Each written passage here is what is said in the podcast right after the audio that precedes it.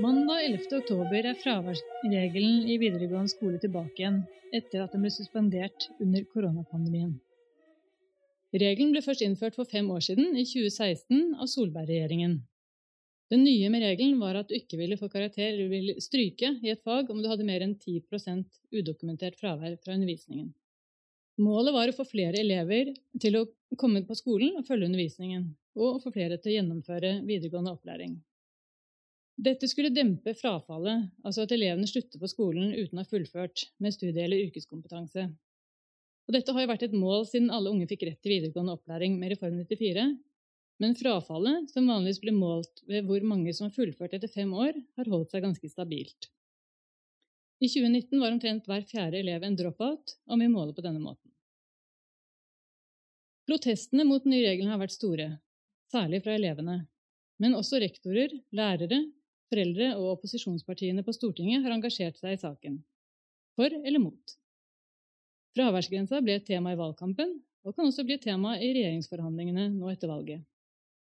Og når meningene er sterke, er det bra å ha et godt kunnskapsgrunnlag. Jeg heter Anne Hagen Tønder, og jeg er forskningsleder på Fafo på området migrasjon, integrasjon og kompetanse. I denne Fafo-podden skal vi se nærmere på hvordan den nye regelen har virket. Har den hjulpet flere til å fullføre videregående? Hvilke elever har fått det bedre, og hvem har fått det verre? Og hvor står vi når det gjelder å hjelpe flere gjennom videregående? Hjelpe de som faller ut av skolen, med de sosiale og økonomiske konsekvenser det har. I denne samtalen har vi fått med oss tre forskere som har jobbet med dette temaet i flere år, og som har kommet med en fersk bok om fraværsgrensen i videregående skole. Boka bygger på et prosjekt som ble gjennomført av Fafo og Statistisk sentralbyrå på oppdrag for Utdanningsdirektoratet i 2016-2020. Boka er skrevet av fem av forskerne Jon Rokstad, Mathilde Bjørnseth, Nina Drange, Hege Jefsen og Marianne Takam Kint. I dag har vi fått med oss tre av forfatterne som tidligere jobbet på Fafo, men som nå jobber andre steder. Så først, velkommen tilbake til Fafo, og gratulerer med en ny bok.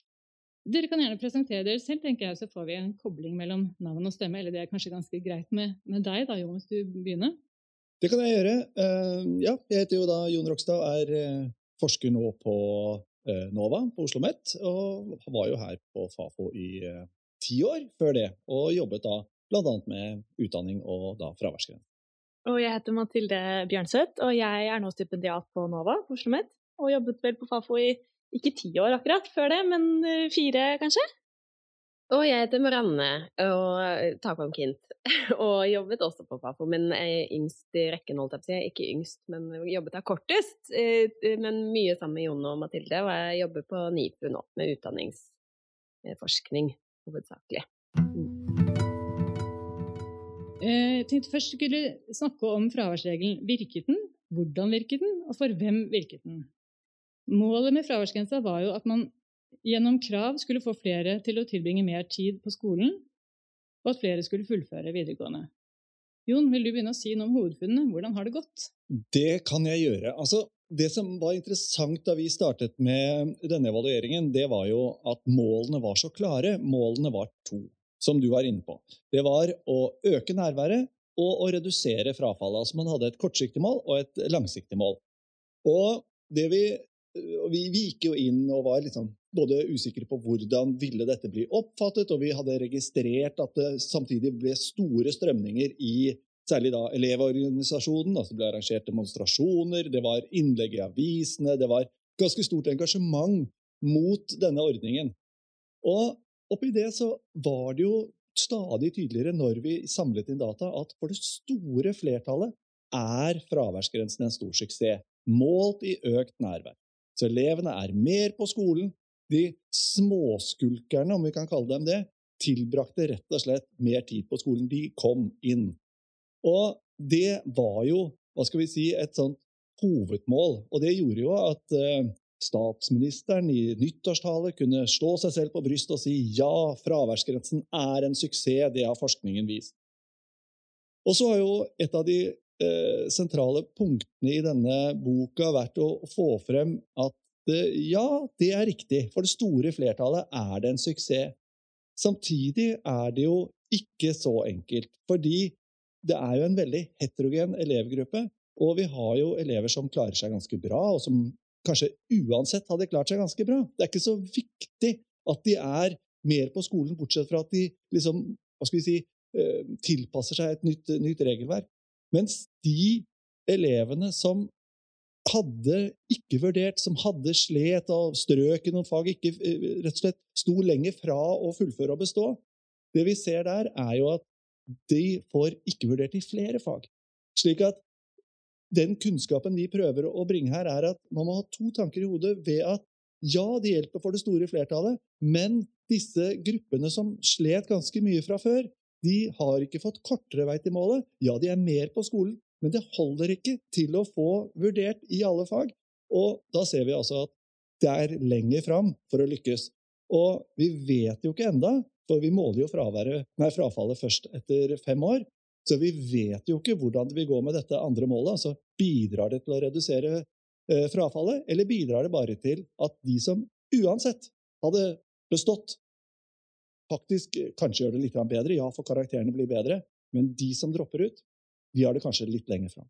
I boka så jo, eh, har dere lagt vekt på tre ulike perspektiver eh, på eh, fraværsgrensa.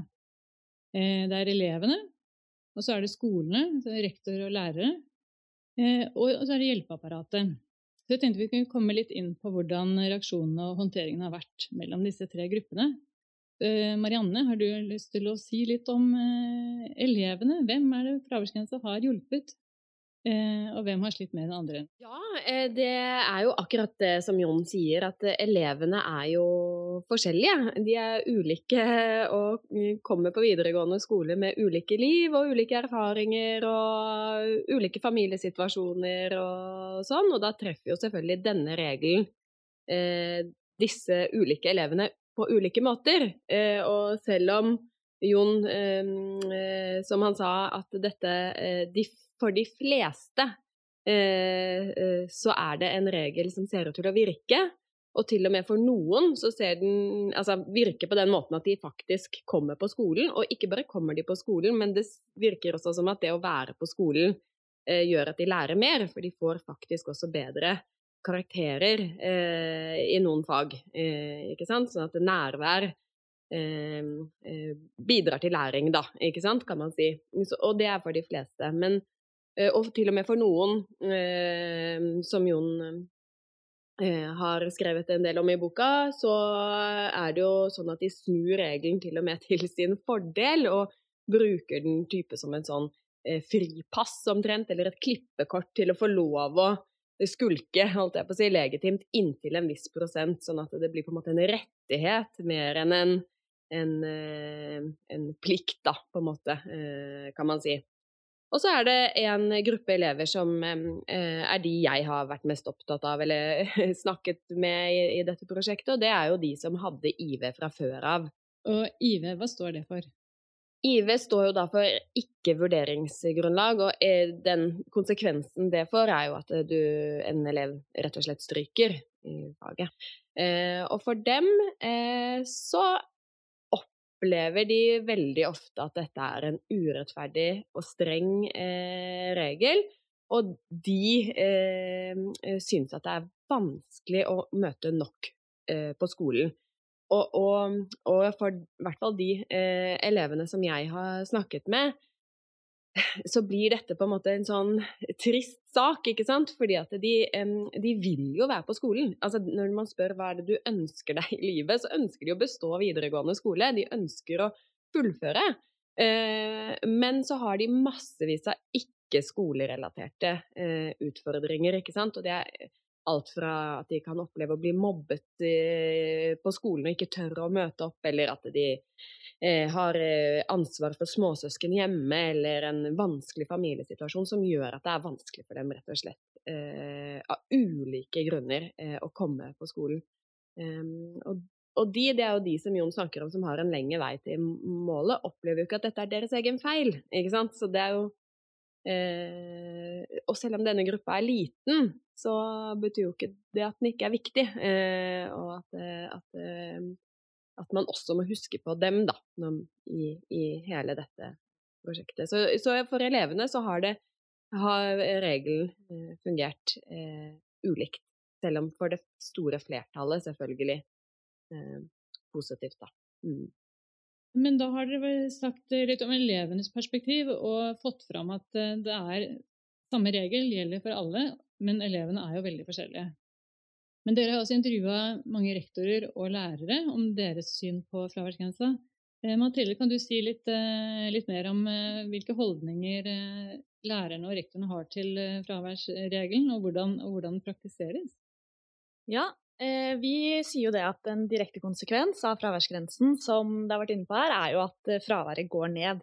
Men en indirekte konsekvens som vi har pekt på, er at det er en lokal variasjon i hvordan lærere og rektorer også praktiserer den denne grensen. Og en sånn nasjonal fraværsgrense det aktualiserer jo et ideal om likebehandling. At uh, uansett hvilken skole du går på i Norge og hvilken lærer du har, så skal den gjelde likt. Og, og sånn er det jo for så vidt med alle regler på skolen og sånne ting. At det, man har et ideal om at det skal fungere litt, og så vil det være litt variasjon. Men det som er med fraværsgrensen, er jo at det har veldig eh, alvorlige konsekvenser for de enkeltelevene som går, går over den grensen da, og ikke får vurderingsgrunnlag, som vi har sagt her, og da stryker, og i siste instans kanskje ikke får eh, vitnemål.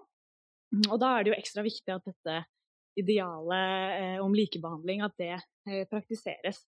Eh, og da er det jo rektor som er øverst ansvarlig for at dette praktiseres likt, men det er jo lærerne som møter elevene i skolehverdagen. Det er de som også fører eh, fravær.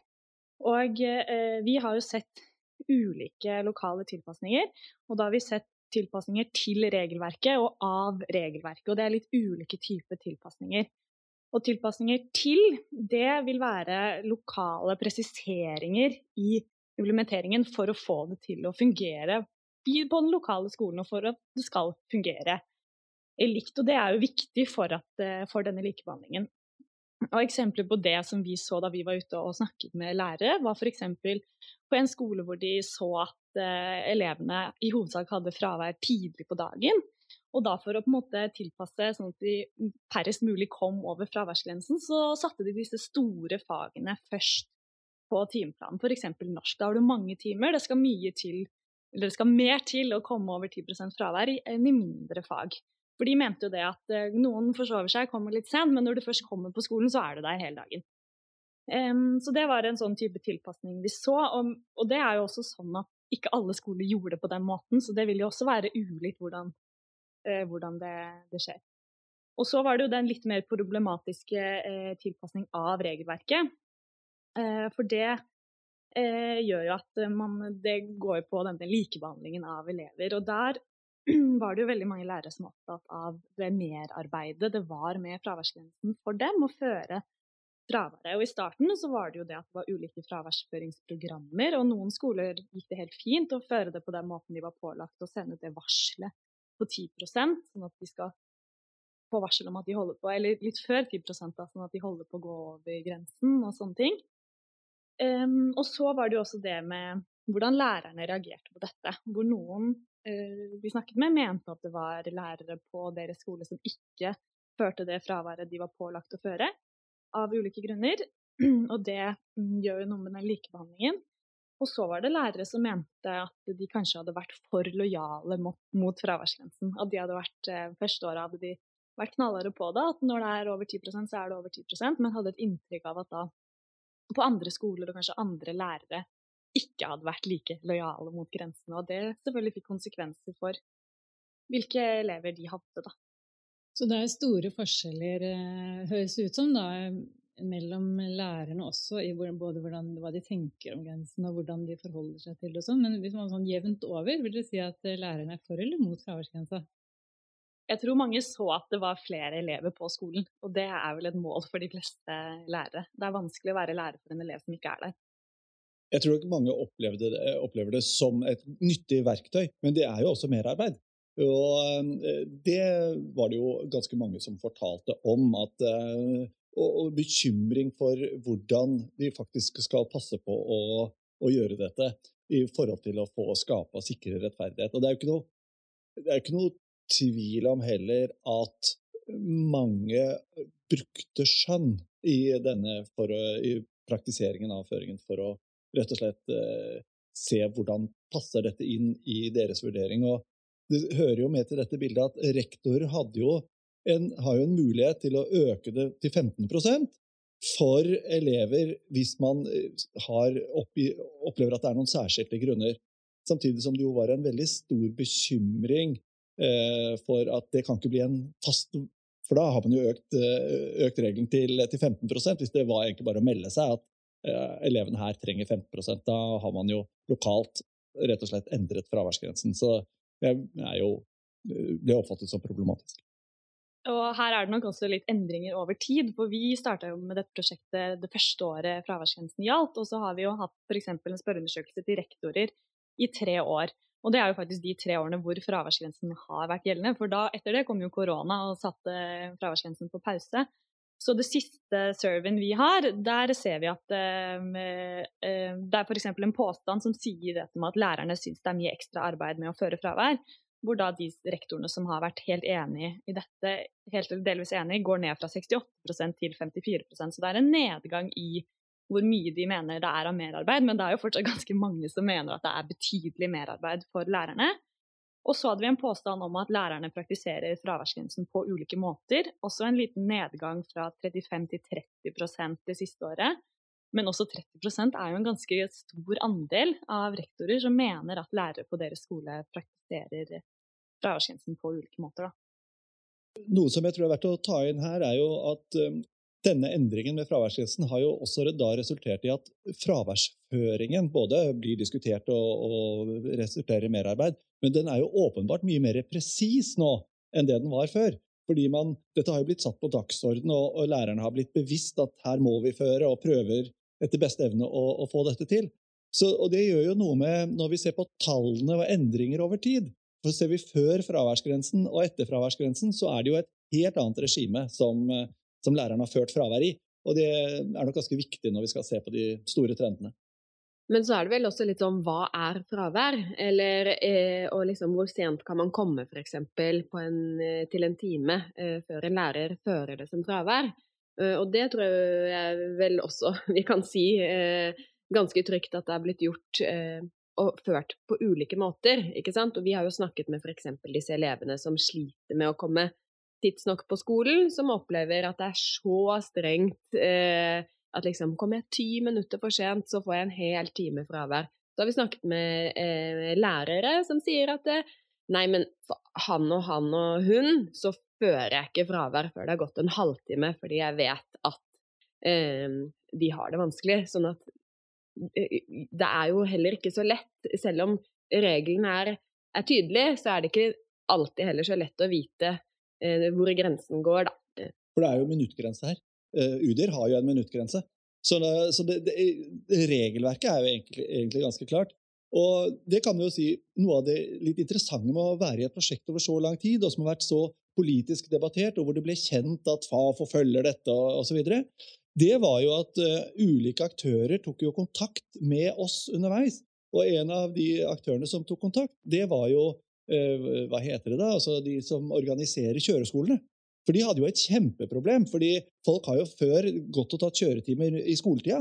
Og nå var det jo helt umulig å få elevene til å komme i skoletida, fordi de ville jo ikke ha noe fravær. Og, så de har jo vært sterke aktører, og de har jo lykkes. Nå, Da fraværsgrensen startet, så var det jo ikke legitimt fravær med kjøreskole, og nå kan du trekke fra flere av eh, typene langkjøring og mørkekjøring og hva det skal være. Det er legitimt grunnlag. Og Det forteller jo noe at dette er i spill, og det er mange interesser som er inne. For det kan jo vanskelig argumentere med at det er veldig viktig for eh, den eh, videregående skolegangen din at du får vært på mørkekjøring. Eh, det tredje perspektivet i boka er jo det med hjelpeapparatet. Man kan kanskje ikke snakke om kjøreskole som hjelpeapparatet, men det som er rundt eleven som ikke er lærerne, så har dere jo Blant annet skriver dere om hvordan dette påvirket fastlegene, og det har også vært et tema i debatten. Eh, Jon, vil du si litt mer om, om hjelpeapparatperspektivet, og hvordan fraværsreglene har virket inn der? Det er jo ikke noe eh, tvil om at eh, og som det har vært mye omtalt, at eh, hjelpeapparatet hvis vi starter med fastlegene, har vært ganske eh, Det har vært en økt bruk av, eh, av dem. Og dette har jo, Folkehelseinstituttet var jo, ble jo bekymra fordi de så at bruken av antibiotika gikk rett og slett veldig betydelig i været for denne gruppa. Og det ble jo også oppfattet som veldig sånn tungvint at man måtte få dette dokumentert gjennom en lege. Og det er jo flere ting som er interessante i det. Det ene det var jo den urettferdigheten eh, som gjorde at man måtte, særlig borteboere, må bruke mye penger på å få dette dokumentert. Det andre var jo at det var krevende, rett og slett. Sånn, det tok mye tid å få dette dokumentert. Og man var jo også bekymret for at eh, syke elever brakte, brakte, smitte inn på legekontorene. Så det var en sånn serie av, av eh, hva skal vi si, følgefeil eh, fra ett ståsted.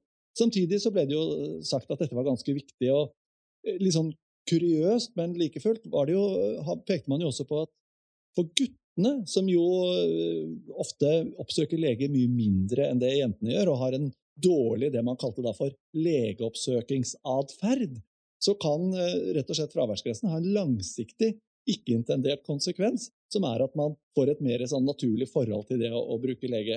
Og Det er jo en litt sånn interessant, eh, helt sånn annet perspektiv på det. Men det viktigste er jo å se at eh, dette hjelpeapparatet besto av mange ulike grupper. For det besto jo også av helsesykepleierne, det besto av hvem som kan bidra til å støtte elevene. Men det var altså da bare fastlegene. Og nå etter koronaen så må jeg jo si at man kan synes det er litt interessant at uh, det vi så med fraværsgrensen, var jo at det poppet opp med den, sånne nettbaserte legeløsninger som var direkte rettet, slik at man kunne sitte hjemme. Og de har jo fått vind i seilene under koronaen, må vi si. Ja, for Det er også noe dere skriver om i boka. at det var jo, Fraværsgrensa førte jo til at det var elever som, som, var på skolen som kanskje ikke burde vært på skolen eh, fordi de var syke.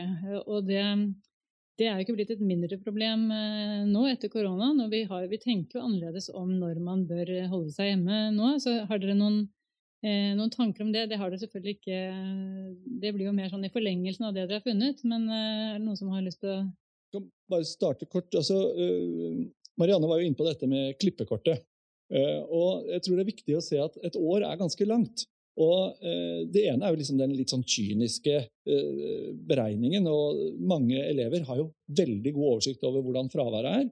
Og de får varsler hvis det er for høyt. Og de sånn sett, kan spare opp og vite at eh, hvis jeg ikke er, eh, tar ut mye fravær på høsten, så kan jeg ta ut dette på, eh, i russetiden eller hva enn det skal være. Men den andre delen er jo at man er, er sjuk og er bekymret for og det, Jeg tror ikke man skal undervurdere denne delen. at Hvor syk kan jeg være og allikevel gå på skolen? For jeg vet jo ikke. Når jeg er syk i november og influensaen setter inn, så vet ikke jeg om jeg kommer til å bli syk også i februar. Og dermed så er det klart at man blir veldig fristet til at hvis man føler seg litt sånn hanglete, så går man på skolen for å unngå det fraværet, med risiko å smitte resten av klassen. Absolutt, og så kan man snu på det og si det er jo noen elever som burde vært på skolen, og som ikke er der, kanskje pga. fraværsgrensen. I hvert fall er det mange lærere som mener at uh, Eh, de elevene som da på en måte blir pushet litt lenger ut, hvis de får nok eh, ikke-vurdert da, i, i, fag, så har de jo ikke noen grunn til å være på skolen lenger, kan det oppleves som. Og eh, da har de i hvert fall ikke noen mulighet for å hjelpe disse elevene. Eh, så det er jo begge sider. Noen eh, elever er forkjøla og burde holdt sengen hjemme, holdt jeg på å si, og noen elever burde absolutt hatt et sted eh, som er trygt å være selv om de kanskje ikke engang klarer å delta så mye i klasserommet, men bare for å ha et sitte i kantina, en lærer ser deg, noen er der. Så det er jo begge, begge sider, da. Når, men jeg tror man også kan gå til dette punktet om hvordan kan det ha seg at en ordning som tilsynelatende har vært så vellykket, tross alt for det store flertallet, blir såpass eh, provoserende for, eh, for mange av elevene. Og da handler nok ikke det så mye om oi, vi blir tvunget til å være på, på skolen selv om vi er syke, og alle disse sånne uh, tilsynelatende viktige argumentene. Det handler jo om noe litt sånn grunnleggende spørsmål om vi er i ferd med å entre voksensamfunnet. Vi går på skole som er frivillig. Vi blir, har et ønske og et krav om å bli tatt på alvor som samfunnsborgere som skal forme eh, våre egne liv. Og vi ønsker jo å være på skolen, vi ønsker å få det til. Sånn at eh, hvis man skal se hvorfor fraværsgrensen suksess på den ene siden og motstand på den andre siden, da tror jeg man må ta inn at dette handler om tillit, det handler om en opplevelse av det å bli sett som en voksen person. Det handler om en sånn forståelse av hvem, hvilken plass man skal ha i, rett og slett, i, i samfunnet. Og Derfor så tror jeg dette interesserer mange langt utover akkurat sånn nivået på, på fraværsgrensen, eller nivået på fraværet, nivået på hvor syk skal du være. Altså alle disse uh, relativt sånne uh, viktige, men små tingene. Men det er i sum helt, helt andre ting som gjør at mange blir så sterkt engasjert i fraværsgrensen. Ja, Det berører jo uh, store og viktige spørsmål om eh, om skolepolitikken og mer generelt. Altså, hva vil vi med skolen, og hvordan tenker vi om, om, elever? sånn at Det kan vi jo se om vi kommer tilbake til. Men jeg tenkte vi skulle runde av denne bolken med å oppsummere. altså Regelen har på mange måter da fungert etter hensikten. Men likevel så er det jo noen som har fått det vanskeligere. Og det peker dere på at det er en gruppe elever som har fått det, vanskeligere enn før. Om den er liten, så er det sånn at noen har fått det mye vanskeligere. Men har dere noen forslag til hva man kan gjøre for de elevene? Mathilde? En ting som har vært mye diskutert rundt fraværsgrensen, og som jo var nytt med fraværsgrensen, var dette med legeerklæringer, som du kan gå til legen og få dokumentert sykdom. Da. Og Det var jo også noe som vi, da vi starta dette prosjektet, ikke tenkte så veldig nøye over at det var en stor del, men som vi eh, skjønte etter hvert at var, var en viktig del av dette. Og det er jo også hvordan man på en måte skiller ut de som utnytter dette systemet, fra de som faktisk eh, trenger en sånn legeerklæring. Og der er det jo rektorene bl.a. som eh, svarer det at det er ganske mange som sier at, at de får fra legene dokumentasjon som ikke er konkret eller utfyllende nok. Og det er jo selvfølgelig ikke sånn at læreren din eller rektoren trenger å vite akkurat hvorfor du var syk, hvilken sykdom du har, men de har at man må jo vite hvilket tidsrom det er snakk om og sånne type ting. Og dette er jo dette med carte blanche legeerklæringer, som noen kalte det. At de har også dokumentasjon som de kan vise til ved fremtidige sykdomsdager. Så det er mange måter å på en måte komme seg litt rundt den fraværsgrensen. Og så var det dette med mistanke om at de forfalsker også legeerklæringer. Den økte kraftig utover. Eh, så kom jo dette opp, og det var 40% av rektorene som hadde mistanke om at minst én elev hadde gjort det. Og det er også veldig ulikt hvordan de håndterte det. Noen så veldig gjennom fingrene på det, mens andre fortalte at de hadde anmeldt elever for identitetstyveri. Da. Så det er jo veldig ulikt. Og det er jo eh, en del av bestemmelsen som kanskje er viktig å tenke over når man nå skal gjeninnføre den eller endre den. Altså, en viktig diskusjon vil jo selvsagt være hvem er det som skal ha rett til å skrive og dokumentere fraværet? Og Skal helsesykepleier f.eks. ha den retten, eller må det være en eksklusiv rett for, eh, for lærerne? Kan foreldrene gjøre det? Altså, Hvordan skal dette skje framover? Det vil jo være en viktig diskusjon. Og eh, jeg tror eh, mange vil være opptatt av at det må brettes litt lenger ut, må strekkes litt lenger ut enn dagens, dagens regelverk, hvor det er legen. Og så begynte jo Jon eh, denne seansen her med å snakke om at eh, det vi finner er jo to ting, på en måte. Det er eh, hovedsakelig, da. Dette er jo en fraværsgrense som er en suksess, men også til besvær, ikke sant. Og det, når vi da skal snakke om hva man skal gjøre eh, for å nå denne gruppa, som kanskje eh, Eh, har det vanskeligere da, eh, i hverdagen sin pga.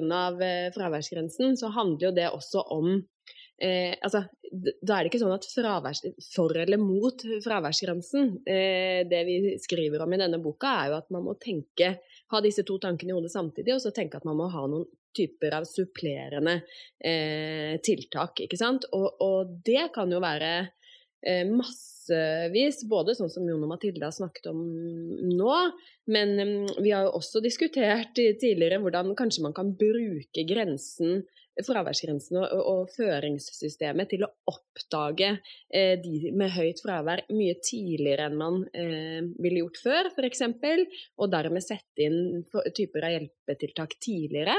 Eh, det har ikke vi opplevd at eh, har blitt gjort i så stor grad, men det er jo en måte å tenke på det på. Og også dette, ikke sant, når vi snakker med elever som har IV, som, eller har uh, høyt fravær, da, ikke sant? og er redde for å få ikke vurdert uh, i noen fag. Så det de forteller oss, er jo at det hjelper meg ingenting å få et brev i posten omtrent, og, og hvor det står 'nå har du fått ikke vurdert i det og det faget'. Det må være eh, noe annet enn det. Ja. Da nærmer vi oss jo egentlig det andre målet, diskusjonen om frafallet. For eh, noe, av det, noe, av det, viktige her er jo at fraværsgrensen er et virkemiddel for å nå to mål. Og jeg tror hvis man skal forstå det, så brukte jo vi dette begrepet i boka om frafallsrisiko. Altså, Hvem er det som, som står i denne risikoen for å ende med å, å, å ha et frafall? Og det, da, For å sette det inn i denne sammenhengen, så tror jeg det handler om å se at frafall er en prosess. Som hvor det er mange hendelser som leder fram til å munne ut i frafall.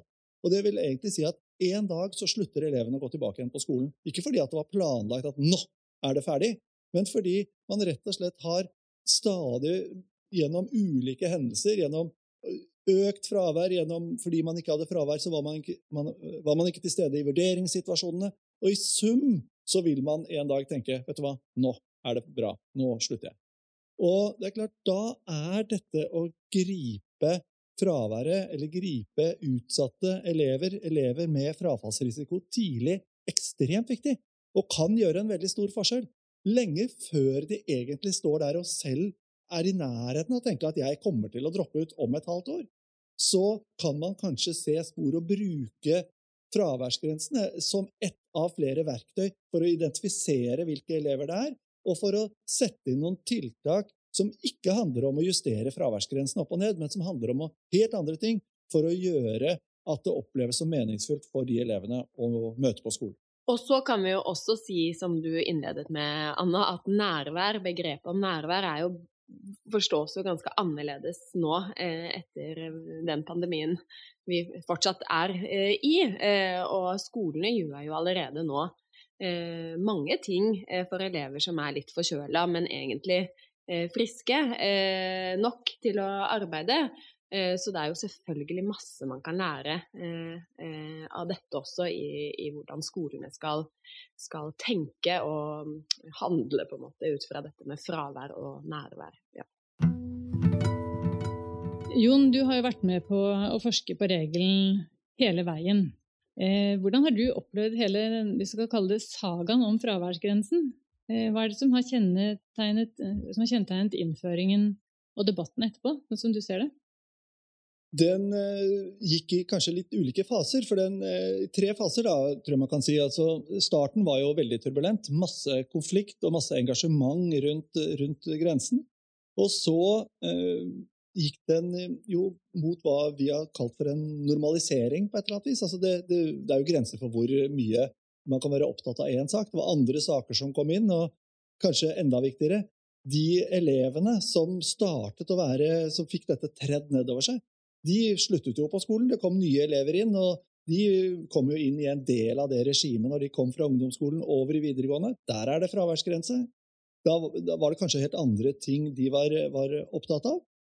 Og eh, så har vi over i den tredje fasen, som jo handlet om at eh, vi kunne jo ikke ha en fraværsgrense slik den hadde vært når det var pandemi.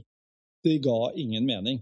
Og da hadde vi ulike faser hvor eh, regjeringen satt den midlertidig på vent, og hvor man sånn sett kom tilbake igjen. Så for forskere er jo dette et helt fantastisk situasjon ved at du har rett og slett et naturlig eksperiment.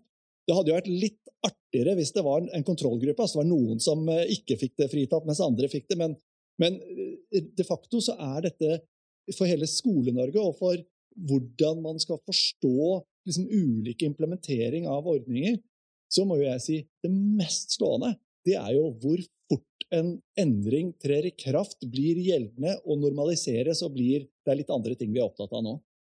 For eh, vi startet å følge dette fra den kom i 2016. Og når vi begynte å se, fortsatte å se på dette i 2017-2018, så var det en helt annen diskusjon. Da var det liksom mer et sånn justeringer. Og jeg tror jo også når tallene viste hvor betydelig suksess dette var, altså at nærværet økte så mye for det store flertallet, så var det vanskelig å argumentere at ordningen var helt mislykka.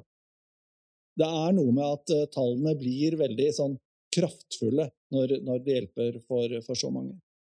Så er vi jo nå kanskje da i en uh, fjerde fase, eh, som vi er liksom in the making. Og det handler jo om hvordan skal denne se ut framover. jeg, de, leder, de store partiene, altså både Arbeiderpartiet og Høyre, er jo for en fraværsgrense, om enn litt på ulike sider av om den skal justeres eller ikke. Altså Arbeiderpartiet vil jo justere den, men beholde den. Men det er klart at dette, og du var jo inne på det i innledningen, at dette vil kanskje være, og sannsynligvis være en del av regjeringsforhandlingene. Men det er i hvert fall en situasjon hvor det er uklart akkurat hvordan den skal se ut. Og jeg, samtidig som det framstår som gitt at de store partiene er eh, inne for å beholde den, så framstår det vel ikke som så sannsynlig at den eh, forsvinner.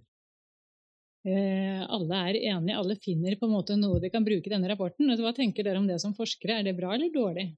Altså, vi er jo veldig opptatt uh, gjennom hele boka, nå håper jeg dere er enig med meg, at uh, det uh, Når du spør hva er det vi har lært, jo, vi har lært at vi må kunne ha to, hoder, to tanker i hodet samtidig. Ikke sant? Og det Mathilde sier at SV på den ene siden som er mot, argumenterer med å vise til vår rapport, og så eh, de som er for, argumenterer også ved å vise til vår eh, rapport. Og det er jo deres privilegium som politikere å, å få lov til det, men for oss så er det jo nettopp at eh, det er ikke denne forskningen er ikke eh, sånn vi konkluderer det, et argument mot fraværsgrensa. Det er et eh, argument på en måte for å ikke miste av syne eh, de som eh, sliter mer pga. fraværsgrensa, selv om suksessen er så eh, åpenbar. Ja.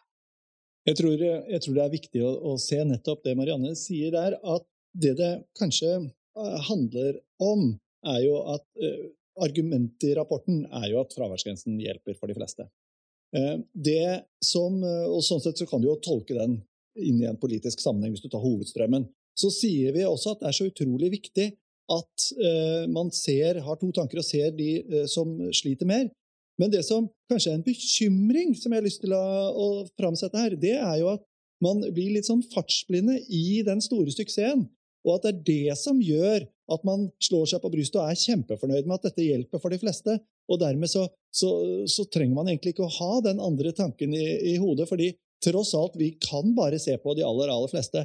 Men tanken og spørsmålet vi stiller i denne boka, det er jo ja, det hjelper, men er det ikke sånn, knyttet til dette andre målet om frafall, at den gruppa hadde faktisk klart seg kjempebra uansett? Ja, de hadde kanskje hatt litt høyere fravær, men jeg må jo si at når jeg har vært i ulike debatter rundt fraværsgrensen, så er det slående hvordan nå sentrale aktører på ulike felter sier på vei ut ja, ja, jeg må jo innrømme, jeg hadde jo faktisk ganske høyt fravær sjøl i skolen. Og det har jo gått ganske bra. Så det er jo noe med hva, hvilken bekymring man skal ha for dette ikke så høye eh, fraværet, men som, som eh, man også har fått ned med, med fraværsgrensen. Og det litt sånn triste på en måte også i dette er jo at de som reduserer fraværet sitt eh, mest, ser ut også til å være de som ikke klarer å redusere det nok. Eh, så, og det støtter jo opp under det Jon sier der om at eh, de, de, den funker for, kanskje hadde de klart seg uansett. Det vet vi jo ikke, men, men det er en tanke. Vi har jo vært inne på det at altså, fraværsgrense er på en måte det er en regel, men det er jo samtidig mye mer enn det. Det kommer jo tydelig fram i boka og i det dere sier. Det handler om hvordan vi tenker om skole, og hvordan vi tenker på elever. Eh, og hvordan vi forholder oss til eh, elever og ulike utfordringer de har med skolen. Og dette er jo også hele, hele diskusjonen rundt frafall og det som vi var inne på innledningsvis, den tanken om at det normale er å begynne rett i videregående skole etter ungdomsskolen, og så fullføre på normert tid. Eh, hva tenker dere om om den, den, tanken, basert på dette prosjektet og andre. Altså, sånn, eh, er, det, er, det, de elevene det er noe gærent med, eller er det våre forestillinger om, eh, om utdanning og, og, unges livsløp? Altså, I dag så begynner jo 98% av elevene fra grunnskolen går over i et videregående løp. Og hvis vi da ser historisk på det, så er jo dette eh, en veldig høy andel, og det forteller jo noe om at det er en relativt heterogen elevgruppe. Og jeg tror kanskje at gitt at man har et mål, og nå snakker man om da fullføringsretten, men det er jo en tror jeg de fleste elevene opplever en fullføringsplikt. Altså, det er ikke sånn Trenger jeg å ta videregående, eller er dette noe jeg kan helt sånn velge å se om jeg vil gjøre noe annet? Mange elever, de aller, aller fleste, 98% går over i videregående løp. Og jeg, jeg tror at det er vanskelig å ikke, ikke tenke at fraværsgrensen sånn sett uh, har det litt Det er en vanskelig kår, på en måte, fordi at det er så stor heterogenitet. Så én regel som skal favne en så heterogen gruppe, blir vanskelig.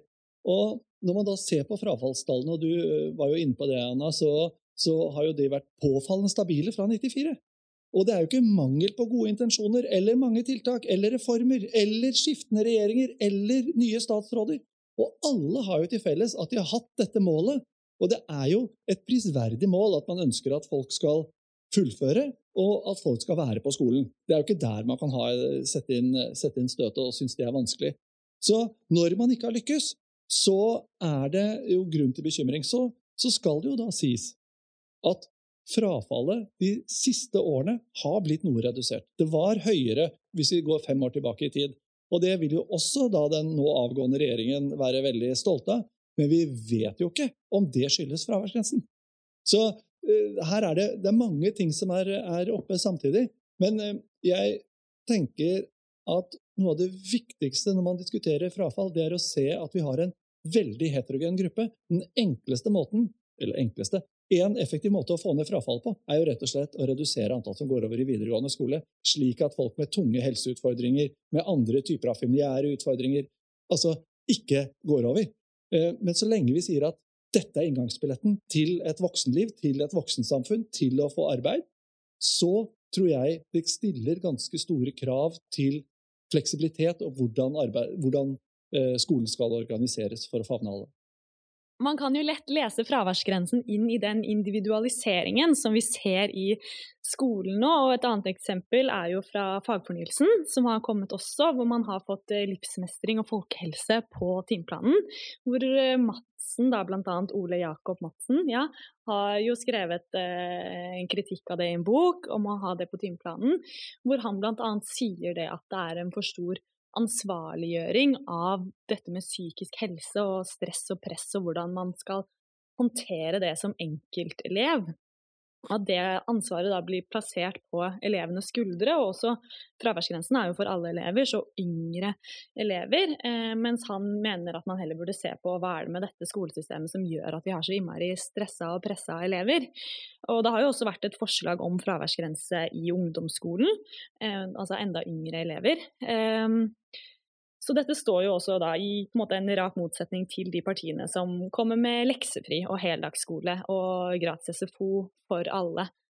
Det som blir vanskelig når vi snakker av og til om fraværsgrensen, er at vi snakker om sånn hvor mye fravær og hva er fravær og når er det for høyt og sånn. Men eh, det eh, når det gjelder psykisk helse og alle de ulike utfordringene knyttet til det, så handler det jo veldig mye om Eh, for hvert fall mange av de lærerne vi har snakket om, de ønsker å finne ut hvorfor er fraværet høyt. Ikke sant? Ikke uh, kommer de på skolen eller ikke, men hva er det som gjør at ikke de klarer å komme på skolen. Og hvis de blir pressa ut av skolen uh, på en måte tidligere enn de hadde trengt, så er det i hvert fall vanskelig å finne ut av det, da. Så det, igjen er det disse supplerende tiltakene, og det er jo det Jon snakker om òg. Skal de inn i skolen, hvis de skal inn i skolen, alle sammen, så må man ha noe eh, for dem mm, der. Jeg tenker jo at diskusjonen eh, om fraværsgrensen sånn sett også må ta inn en diskusjon om hva som er et godt læringsmiljø. Den må ta inn at det er noen, eh, det er noen store kollektive spørsmål om hvorfor er det mange av dagens elever opplever utenforskap, opplever mobbing, opplever varig måter at de syns at skolehverdagen rett og slett er veldig krevende å være i. Og det tallene viser, som jo er veldig dramatisk, er jo at her har man jo satt inn masse tiltak, mye jobbing for å, å redusere og bedre skolemiljøet. Men eh, man har jo ikke lykkes, hvis vi skal tro på tallene. Det er slik at veldig, veldig mange opplever at skolehverdagen er krevende i forhold til uh, hvor, inkluderende, uh, hvor inkluderende miljøet er. Og det å da søke seg ut av skolen, det er vel da det første grepet hvor man har en slags mestringsstrategi på å ta grep om eget liv. i, et, i, et, i en skolehverdag som, når den oppleves for, for krevende. Det er jo, du sa det også, også inne på det, Marianne, at det er jo ikke det at det er jo ingen elever som ikke vil lykkes. Det er ingen som ikke vil lære. Men, men, det kan tenkes at det er noen elever som kanskje helst vil være et annet sted enn skolen, hvor de har bedre forutsetninger for å lære og lykkes, og det er vel det du snakker om der, Jon? Ja, Det er akkurat det, det jeg snakker om, og, og, der er det jo noen viktige lærdommer som nå har kommet uh, gjennom pandemien. Igjen da et slags naturlig eksperiment som har gitt oss noen viktige innsikter. For det vi ser der, er jo at det var noen elever som hadde mye fravær før, men som faglig sett kunne oppleve ganske mye mestring. Og gjennom pandemien plutselig oppleve litt blomstring. Fordi de kunne jo dette med å sitte hjemme og lære, og de kunne jo dette å, å håndtere egen dag. Men når de da fikk en direkte kontakt med læreren, så ble dette plutselig en helt annen forutsetning for egen læring og egen utvikling.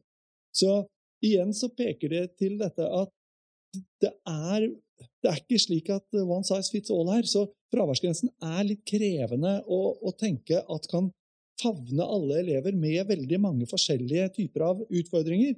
Og når nær 100% skal inn, så kan vi snu på det og si ja, det vil være en viss andel som har det litt mer krevende og trenger litt mer tilrettelegging. Så det er liksom kanskje det ene følger av det andre. Hvis vi skal ha mål om at alle skal gjennom videregående løp, eller når vi har det som mål, da følger det av det at vi er nødt til å ha en ganske Da kan vi ikke ha e, ett løp som alle må, alle må ta. Vi kan i hvert fall ikke bli overrasket når noen da bruker lengre tid.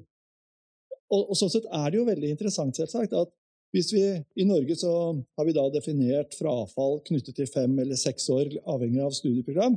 Men hvis vi da ser dette etter ti år, så er jo andelen som har droppet ut, nær halvert. Det viser jo at det er jo veldig mange som fullfører videregående opplæring, men de bruker en del lengre tid. Og det er altså ikke problemet at ikke de vil, ikke ønsker, ikke får til. Det er rett og slett at de krever noe mer, og det kreves jo da noe mer av det institusjonelle apparatet. Da tenkte vi skulle runde av. Det er jo fristende å gjøre et lite poeng ut av at eh, den ene forfatteren hun kunne ikke komme fordi hun var eh, liksom rusten i, i stemmen. Eh, og jeg må jo også nevne Marianne at du kom litt sent fordi at sykkelen din punkterte på vei, på vei hit. Så, da du skulle krysse trikkeskinnene. Så at sånn er real life. Det rammer også oss. Eh, men da dere selv gikk på, på videregående, altså, hvordan var det da? Var dere småskulkere, eller dere, hadde dere nærvær eh, fra første til siste dag? Eh, nei, jeg tror at jeg kunne komme inn i den litt småskulker av og til. Ja, ja, altså for all del. Og eh, det var ikke noe, ikke noe tvil om at eh, man fant ut av hvordan man skulle gjøre dette. Samtidig som eh, Eh, det jo også var en helt annen, eh, annen si, fokus på at eh, hvor det, Jeg vet ikke hvor man førte fravær, men jeg minnes så vidt at det står på, på vitnemålet. Men uten at det var en veldig sånn viktig del av uh, hvordan Jo, vet du hva! Det var en gang hvor jeg fikk faktisk uh, tilbake Jeg husker ikke hvilket trinn, hvor det sto 'Skolen bemerker det høye timefraværet'. Det har jeg fått. Ja, nei, jeg tror at jeg ville vært en av de elevene som hadde brukt den fraværsgrensa som sånn klippekort. Jeg, jeg var veldig sånn planlagt skulker. Når, når jeg skulka, så skulle, så skulle, jeg gjøre det på den liksom, dagen der, fordi da skulle jeg gjøre noe annet gøy, liksom. Så ja, det hadde sikkert passet meg bra, da, sånn sett, med den fraværsgrensa. Ja, jeg tror nok kanskje ikke fraværsgrensen hadde vært et uh, reelt problem for meg i videregående. Men jeg hadde helt sikkert stressa mye over det, da, og vært opptatt av å ikke ha noe udokumentert fravær og holdt på å styre. Og så, ja. Jeg tok jo også kjøretimer uh, på, under skoledagen, så det hadde jo også vært litt vanskelig, da. Da uh, syns jeg vi har uh, lært mye om fraværsgrensen og hvordan den virker og ikke virker. Så takk til dere for at dere kom tilbake til Fafo for å bli med på denne samtalen. Jeg håper mange leser boka deres. Og vi ses nok igjen, for dere vet jo hva på Fasa sier vi sånn som i sangen om Hotel California. You can check out anytime you like, but you can never leave. Takk for i dag. Takk. Til slutt minner vi bare om at fraværsgrensa er tilbake 11. oktober. Og når det gjelder boka, 'Fraværsgrensen i videregående skole', så ligger den ute og kan lastes ned gratis.